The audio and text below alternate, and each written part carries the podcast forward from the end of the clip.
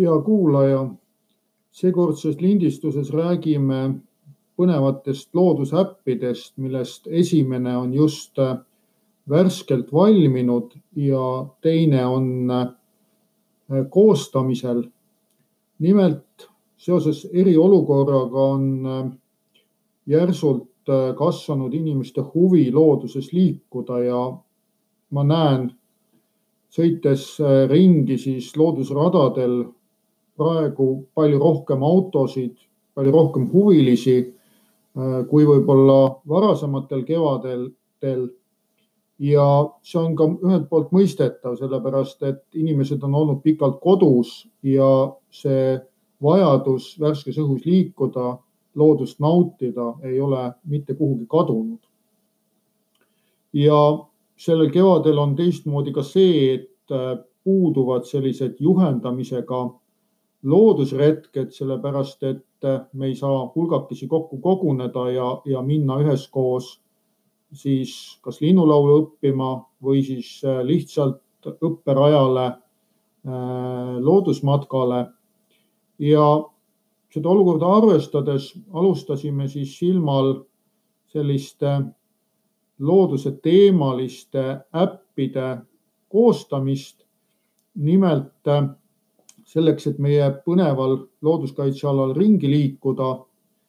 selleks on vaja siis lihtsalt alla laadida selline tasuta mobiilirakendus nagu Navicup, võtta meiega kodulehe vahendusel või, või meilitsi ühendust ja siis on võimalik saada endale ligipääs sellisele väikesele matkale nagu põnev loodusretk Silmal.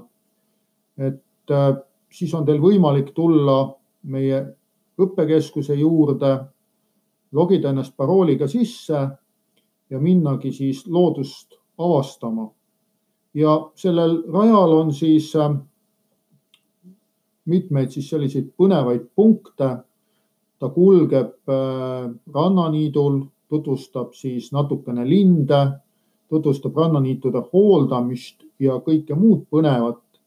sellele matkale tulles on hea siis äh, jalga panna kummikud ja pärast selle raja läbimist on siis hea tunne, et ühelt poolt oled siis natukene rohkem loodusest teada saanud ja teiselt poolt oled siis saanud ka natukene ennast liigutada ja miks see rada on siis parooli all? põhjus on väga lihtne, et vältida siis ühelt poolt sellist ülerahvastamist, inimeste väga tihedat kogunemist ja see annab meile siis võimaluse äh, hajutada see inimeste liikumine nii, et, et korraga rajal oleks siis üks-kaks peret, kes siis omavahel kokku ei puutu. ja selle raja kohta me paneme peagi ka siis Silma õppekeskuse juurde üles sellised kiletatud äh, sildid, kus on QR kood.